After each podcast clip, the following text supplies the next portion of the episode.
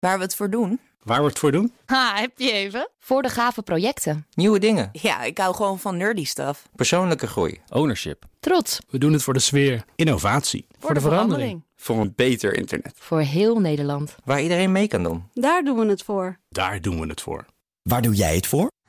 Kom werken voor KPN en groei op jouw manier. Check de actuele vacatures op het gebied van data, security, development en networking op jobs.kpn.com/tech. BNR Digitaal wordt mede mogelijk gemaakt door SecureLink. SecureLink. Safely enabling business. BNR Nieuwsradio. BNR Digitaal. Herbert Blankenstein. Welkom bij BNR Digitaal. De fans hebben er een tijdje op moeten wachten, maar nu is het er dan toch echt. Apple Pay. ING-klanten met een iPhone kunnen sinds deze week gebruik maken van de betalingsdienst van Apple. Daarover ga ik praten met Edgar Verschuur. Hij is hoofd acquiring bij Adyen. Hallo. Dag, goedemiddag. Uh, zij verzorgen het betalingsverkeer voor bedrijven als BCC, G-Star, Pathé, Thuisbezorgd en Wekamp. En ook alvast hier is Boris van der Ven. Zometeen praat ik met hem over de game consoles. Gaan we daarop blijven gamen of schakelen we allemaal over op streamend gamen? Yes, top. Met jou straks. Edgar Verschuur uh, van Adyen, om te beginnen, hoofd acquiring. Jullie zijn natuurlijk een internationaal bedrijf, maar wat doet een hoofd acquiring? Klanten binnenhalen of zo? Dat is een goede vraag. Uh, nou ja, Adyen is een, is een technologiebedrijf. We helpen uh, winkeliers betalingen accepteren door alle kanalen. We doen dat wereldwijd. Um, en wat acquiring betekent in de kaartwereld is waar een uh, consument een bank heeft die hem een kaart geeft, heeft een winkelier ook een bank die hem onderdeel maakt van het betalingssysteem. dat is wat een acquirer doet. Um, en dat doen wij wereldwijd. Dus wij helpen merchants betaling accepteren. En we zorgen ervoor dat ze betaald worden via ons. Oké, okay, dan is dat helder. Mooi. Um, bij Apple Pay is je smartphone een bankpas als het ware. Ja. Wat is het voordeel van Apple Pay, behalve dan dat ik die pas niet meer nodig heb? Um, nou, het klopt inderdaad dat, dat Apple Pay een manier is om een, om een bankpas digitaal uh, te gebruiken. Uh, mm-hmm. Dus uh, bij een kassa, maar ook online. het is eigenlijk een veilige portemonnee waarin je kaartgegevens kunt opslaan. Um, en dat geeft voor de winkelier bepaalde voordelen. dus Betekent dat je, je de gegevens van je pas moet kopiëren naar je telefoon op een of andere manier? is dat een handeling? Nee, er wordt eigenlijk als het ware een nieuwe pas uitgegeven, specifiek voor die telefoon. Ah, zo, um, ja.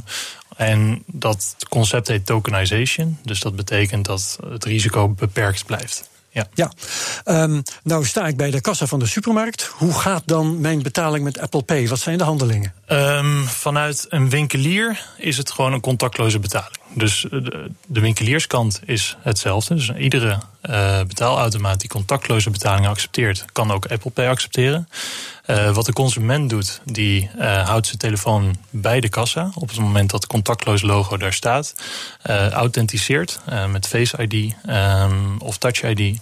en kan zo de betaling uitvoeren. Oké, okay. um, is het nodig om een app daarvoor te starten of gaat dat vanzelf? Um, Apple Pay zit eigenlijk in Apple Wallet. Uh, dat is dezelfde plek waar ook bijvoorbeeld boarding passes. Okay. En die is steeds slapend actief. Om exact. te zeggen. Ja, dus die luistert naar de terminal zodra je hem dichtbij brengt. Ja, ja. dus uh, één handeling is: je moet je telefoon bij uh, een, een apparaat houden van de winkelier. Correct. Maar je moet ook nog via je gezicht of je vingerafdruk ja, moet ja, je ja. authenticeren. En dat is denk ik een van de re redenen waarom het als consument uh, prettig is, maar ook waarom het als winkelier een veilige betaalmethode is. En, en uh, er zit veiligheid ingebouwd in het product.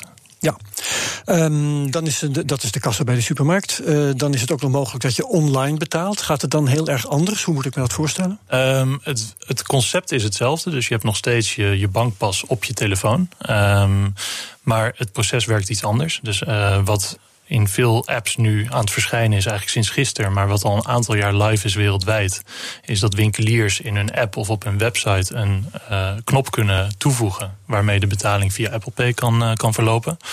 Uh, wat het doet is, als consument zie je dan een pagina om je kaart te selecteren, je gegevens te selecteren en vervolgens te authenticeren. en dat rond dan vervolgens de betaling af. Ja, krijg ik nou te maken met complicaties als ik een aankoop doe op mijn laptop? Terwijl Apple Pay op mijn mobieltje staat? Uh, niet per se. Dus het is goed om te weten dat Apple Pay uh, alleen op Apple devices uh, werkt. Um, dat is natuurlijk waar. Ja. Um, en het kan in een webomgeving gebruikt worden. Mijn verwachting is dat het voornamelijk in mobiele websites wordt gebruikt, op iPads, op telefoons of in apps. Ja.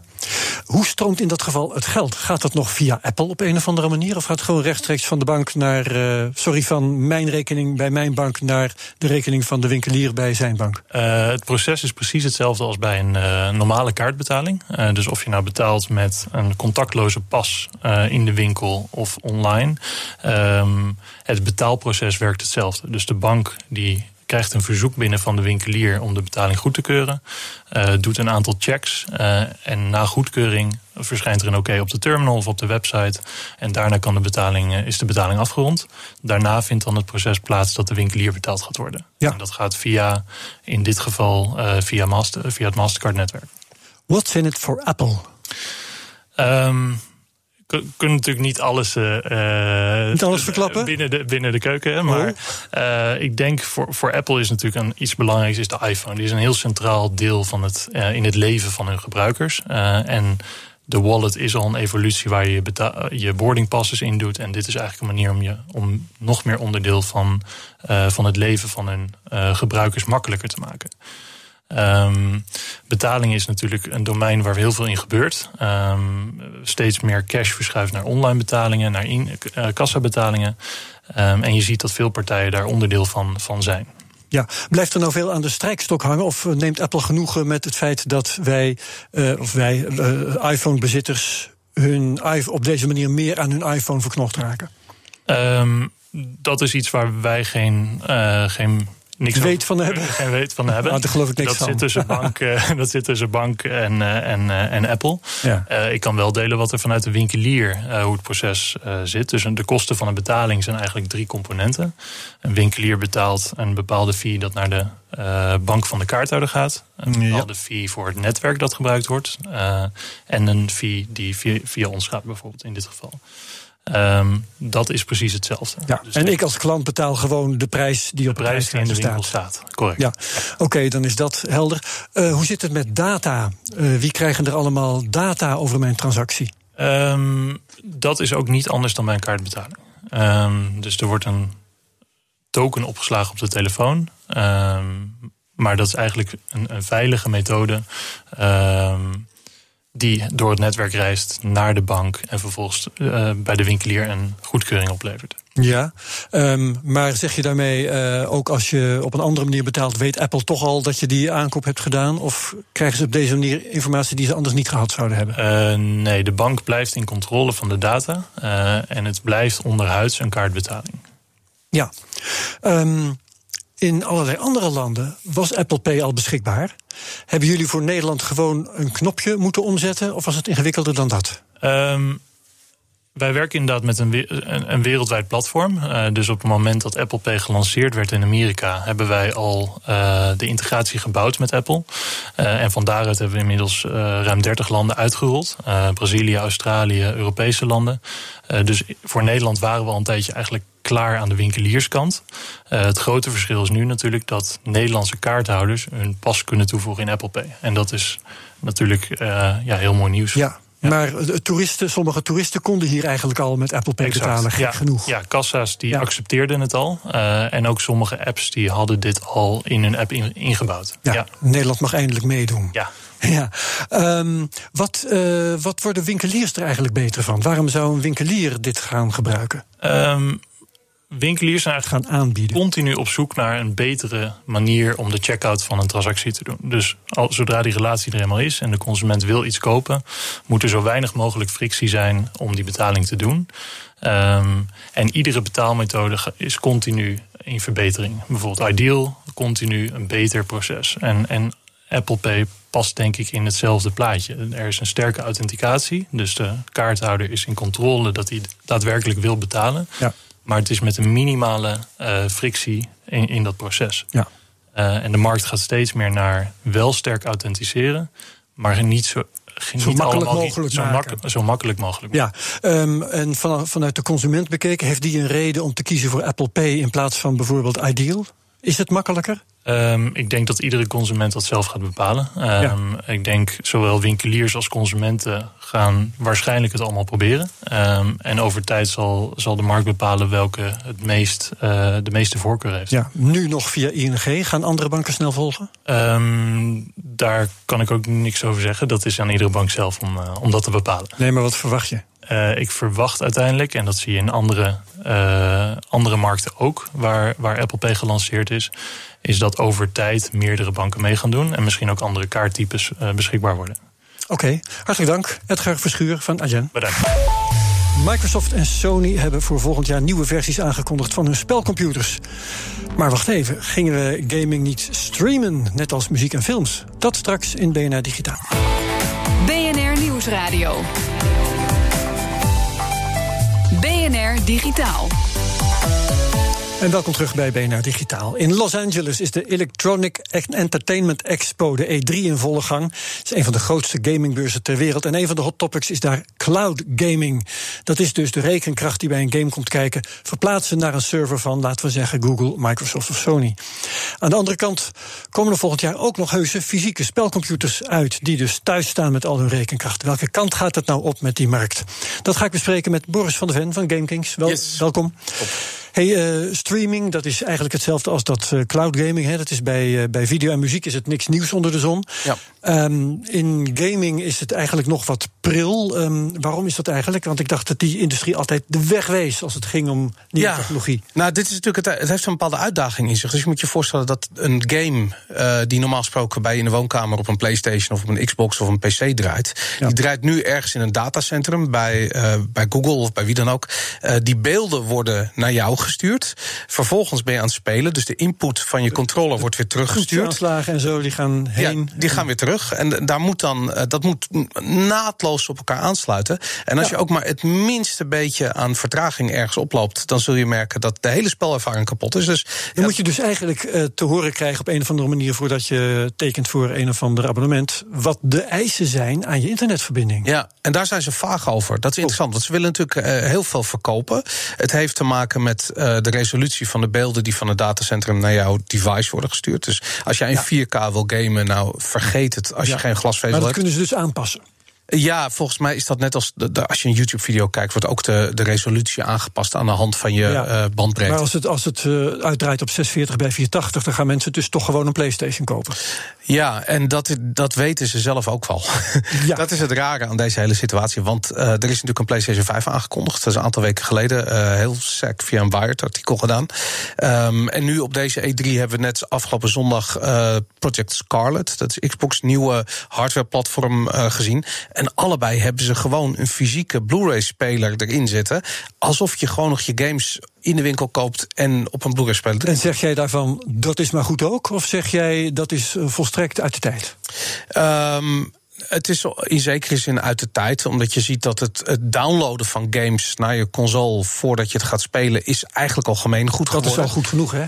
Goed, ik weet dat verzamelaars. Ik ben bijvoorbeeld een verzamelaar. Ik vind het gewoon leuk om dat ding in een doosje in de kast te hebben staan. Er zijn mensen die dat gewoon nog hebben. Maar ja, we, we raken in de minderheid. Je ja. ziet het in de verkoopcijfers terug. Dus er uh, ja, fysieke uh, winkels waar je fysieke games koopt, die zijn aan het verdwijnen. Er is bijna niks meer over. Als je het over Amsterdam hebt, zijn er misschien. Nou, het, zal verba het zou me verbazen als er vijf of zes winkels in Amsterdam nog te vinden zijn waar je fysiek een game kan kopen. Ja. Dus dat, uh, ja, dat is aan het veranderen. Dus aan de ene kant merk je van die, die, uh, die uitgevers, die platformen, die zijn bezig met alles naar digitaal te krijgen. Vervolgens van digitaal, dus dat is downloaden naar je lokale console. Vervolgens van digitaal moet het allemaal naar streaming, zometeen via de cloud.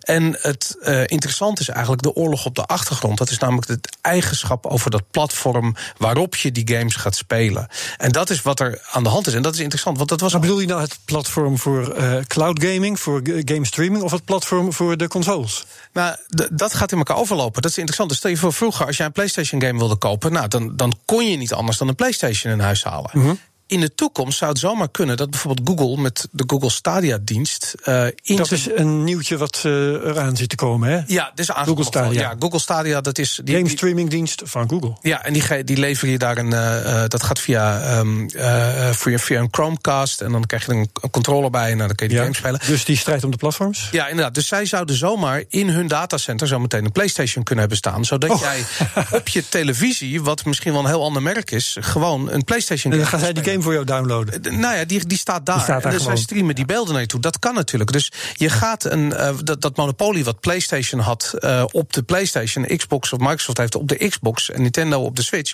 dat gaat een beetje vervagen. Ja, tenzij ze hun eigen World Garden weer gaan maken. En dat je bij Google de ene selectie aan games kan vinden.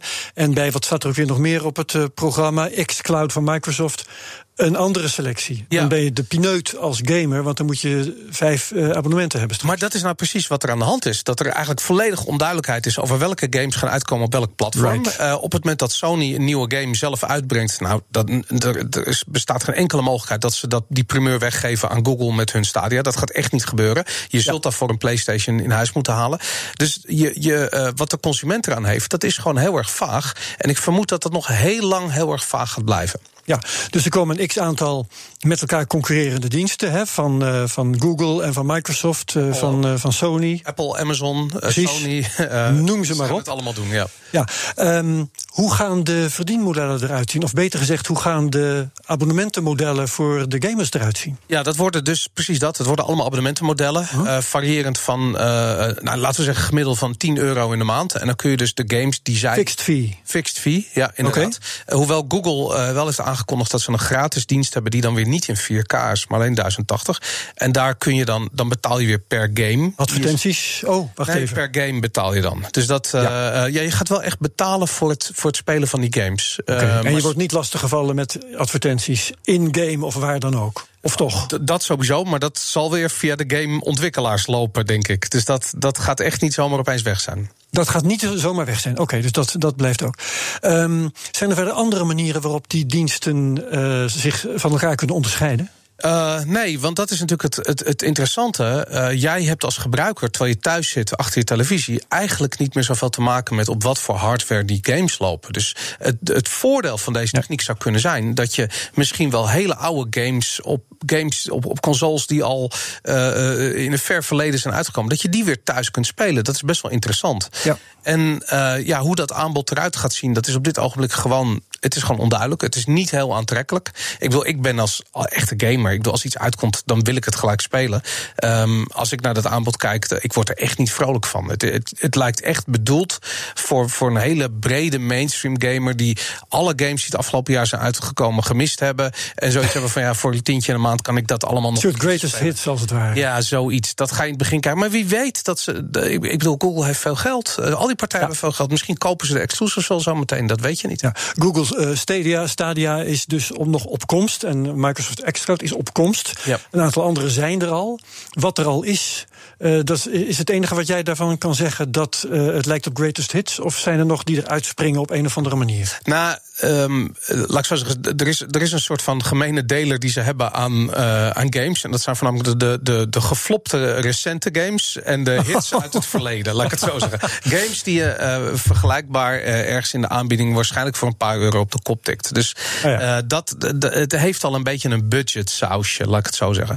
Maar er zijn ook al, je hebt bijvoorbeeld een, een dienst OnLive. Dat was een van de eerste. Die is al failliet gegaan.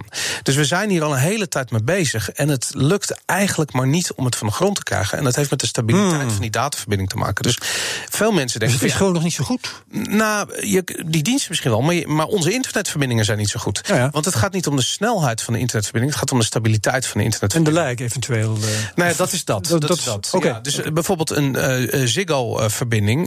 ja, ik wil geen namen noemen. Maar ik bedoel, dat kan heel erg snel zijn op papier. Um, en kan hele hoge burstsnelheid, snelheden hebben. Maar een lage, constante verbinding. En het gaat nou juist om die constante verbinding. Ja. Dus op dit ogenblik werkt het voornamelijk goed uh, bij mensen die een glasvezelverbinding hebben. De verwachting is dat in het 5G-tijdperk, waar ook mobiel naar dat soort hoge, stabiele internetverbindingen gaan. Maar op dit ogenblik, uh, ja, als, als dat nu massaal wordt uitgerold en iedereen gaat morgen een abonnement afsluiten, dan krijgen we één grote klachtenregen en dan ja. gaat iedereen in opstand. Gaan uh, Google en Microsoft snel met hun nieuwe aanbod komen? Um, ja, dat denk ik wel. Um, Geen data bekend nog? Nee, ja, misschien wel. Maar uh, Microsoft heeft dit heel erg bekend gemaakt in combinatie met hun nieuwe hardwareplatform. Dat zou de feestdagen 2020 uit moeten komen. Project Scarlet heet dat. En dan xCloud gaat waarschijnlijk al eerder lopen. Ze gaan beta's doen. Um, ja, misschien kan je het nu al uh, proberen. Ik weet dat de hele uh, inschrijvingsprocedure is gecrashed tijdens een persconferentie. Ook al. Uh, zondag. Dus dat, dat belooft al niet van goeds. Uh, aan de andere kant, ja, we gaan dit ongetwijfeld steeds groter zien worden. En ik, ik denk niet dat het iets is om nu heel enthousiast van te worden. Maar ja, het is iets. Dus wel waar het naartoe gaat. Het gaat niet meer weg uiteindelijk. Ja. Oké, okay, dankjewel Boris van der Ven van GameKings. Dat was BNR Digitaal voor nu. Nog even tot slot naar de redactievloer. Daar zit Rob Jansen naar de borden te kijken. Rob, wat doen de bitcoin en de eten? De bitcoin staat op 8.005,84 dollar. Dat is 2,6% hoger dan een week geleden. De ether staat op 249,45 dollar. En dat is 1,8% hoger dan vorige week. Dankjewel. Gaat al een 1 of twee weken zijwaarts. Terugluisteren van BNR Digitaal kan via bnr.nl, via de app, iTunes, via Spotify... of waar je dan ook maar naar je podcast luistert. En daar vind je ook mijn andere podcast, waaronder de Cryptocast. Tot volgende week met BNR Digitaal. Dag. BNR Digitaal wordt mede mogelijk gemaakt door SecureLink. SecureLink. Safely enabling business. Ook Harm Edens vind je in de BNR-app. Je kunt BNR Duurzaam niet alleen live luisteren in de app, maar ook terugluisteren als podcast, zoals al onze podcasts. En naast dat de BNR-app Breaking News meldt, houden we je ook op de hoogte van het laatste zakelijke nieuws. Download nu de gratis BNR-app en blijf scherp.